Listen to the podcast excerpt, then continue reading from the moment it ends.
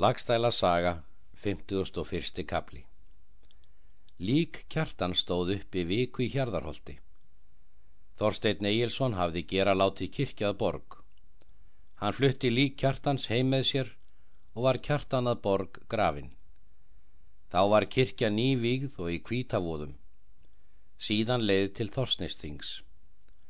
Voru þá mál tilbúin á hendur þeim ósvíursonum og urðu þeir allir sekir var gefið fér til að þeir skildu vera ferjandi en eiga eigi útkvæmt meðan nokkur Ólafssona væri á dögum eða Ásker Kjartansson.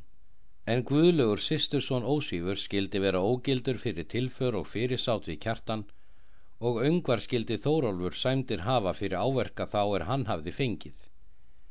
Egi vildi Ólafur láta sækja botla og bað hann koma fyrir fyrir sig. Þetta líkaði þeim Haldóri og Steinþóri stór ídla og svo öllum svonum Ólafs og hvaðu þungt mundu veita ef Bolli skildi sitja samhéraðs við þá. Ólafur hvað hlýða mundu meðan hann væri á fótum.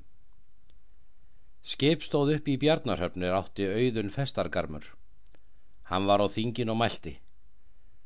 Það er til kostar að þessa manna segt mun eigi minni í Noregi ef vinir kjartans lifa.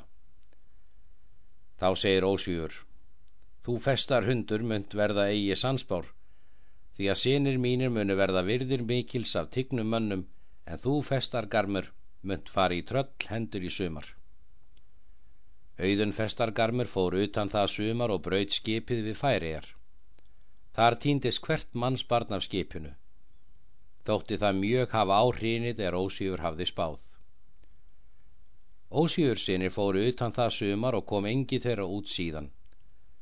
Laug þar eftirmáli að Ólafur þótti hafa vaksið af því að hann létt þar með beini ganga er maklegast var.